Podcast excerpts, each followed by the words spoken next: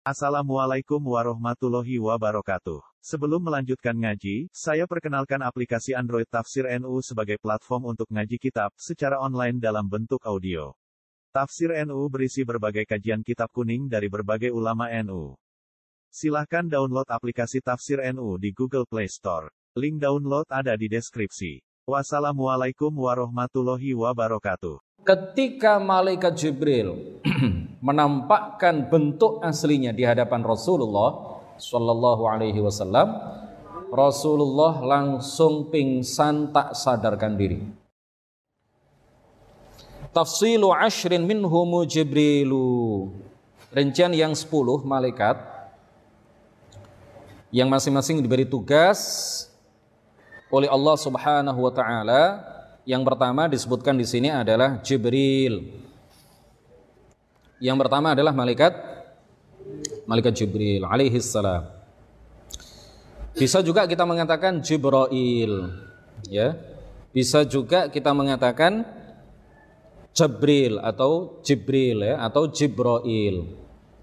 Atau ada ada juga lugah-lugah yang lain ya. Bisa juga disebut dengan beberapa pelafalan yang lain dan itu semuanya benar secara bahasa. Tetapi yang paling terkenal adalah pelafalan apa Jibril atau Jibril.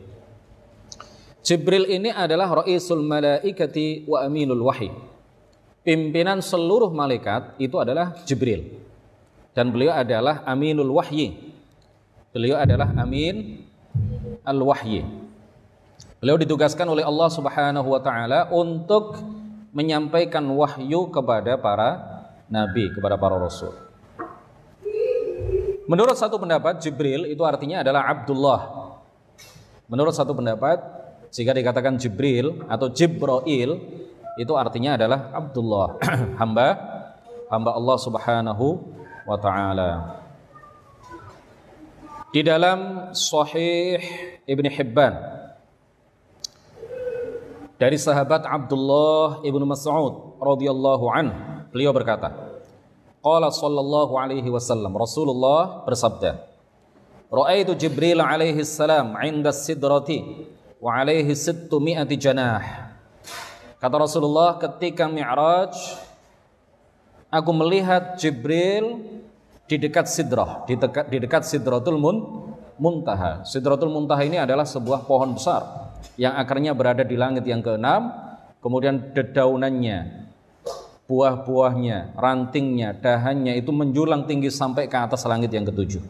Nah di dekat Sidratul Muntaha ini, di dekat pohon Sidratul Muntaha pada saat Mi'raj, Rasulullah Shallallahu Alaihi Wasallam melihat malaikat Jibril yang memiliki 600 buah sayap. Yang tasyuru min rishihi tahwilud durri wal yaqut yang berguguran dari sayap-sayapnya itu kalau sayap sayapnya ayam itu terdiri dari apa itu? Bulu ya. Ada bulu-bulunya. Dan di sini di hadis ini juga diterangkan bahwa malaikat Jibril itu memiliki 600 buah sayap. Di masing-masing sayap itu ada bulu-bulunya. Nah, dari masing-masing bulu itu berguguran tahawilud durri wal yaqut. Berguguran darinya apa? Mutiara-mutiara dan batu mulia-batu mulia yang sangat menakjubkan. Yang sangat mempesona. Yang sangat indah sekali.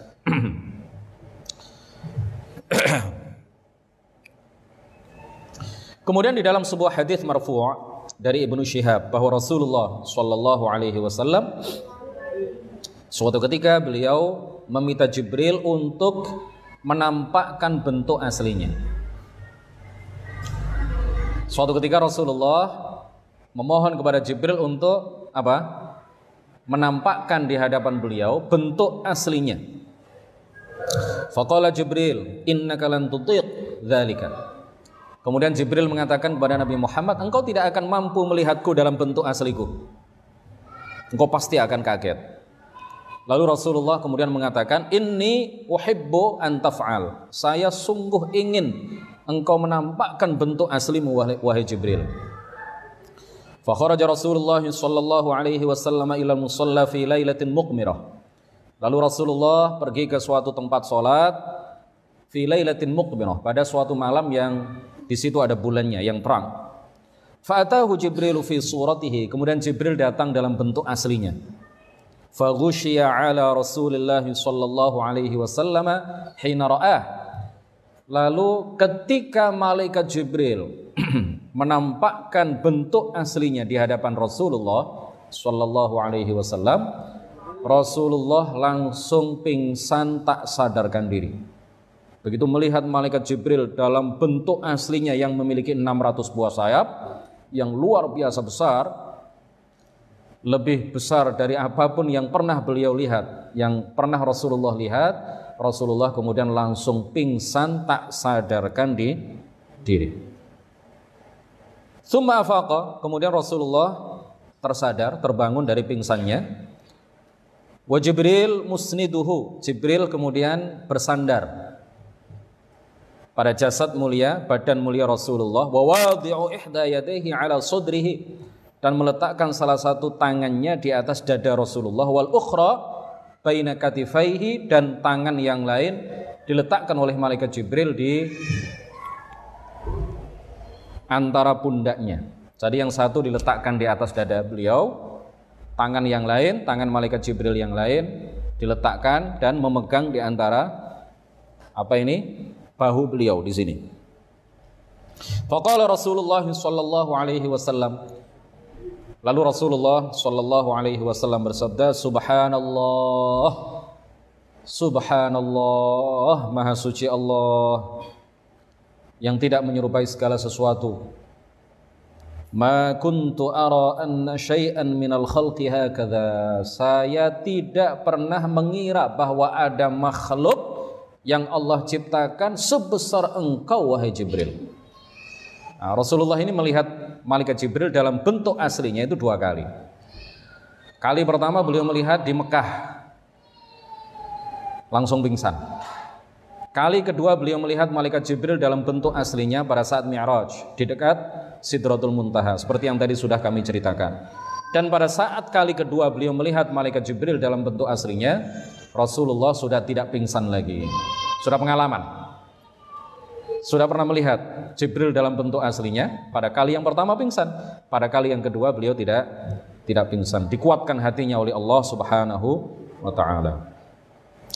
Urutan yang kedua, malaikat yang disebutkan dalam bait nazom ini adalah Mikal. Mikal, malaikat apa? Mikal. Siapa malaikat Mikal ini? Sebutan lainnya adalah Mikail. Malaikat Mikail.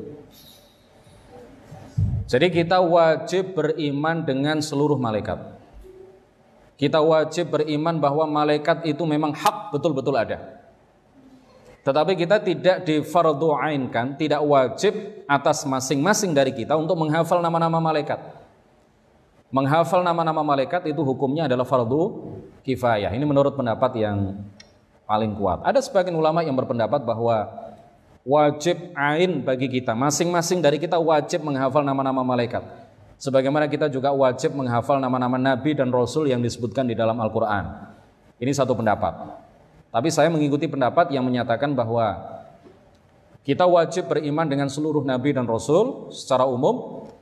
Adapun menghafal nama-nama nabi dan rasul baik yang disebutkan di dalam Al-Qur'an ataupun yang disebutkan di dalam hadis dan tidak disebutkan di dalam Al-Qur'an, maka itu hukumnya adalah fardu kifah, kifayah.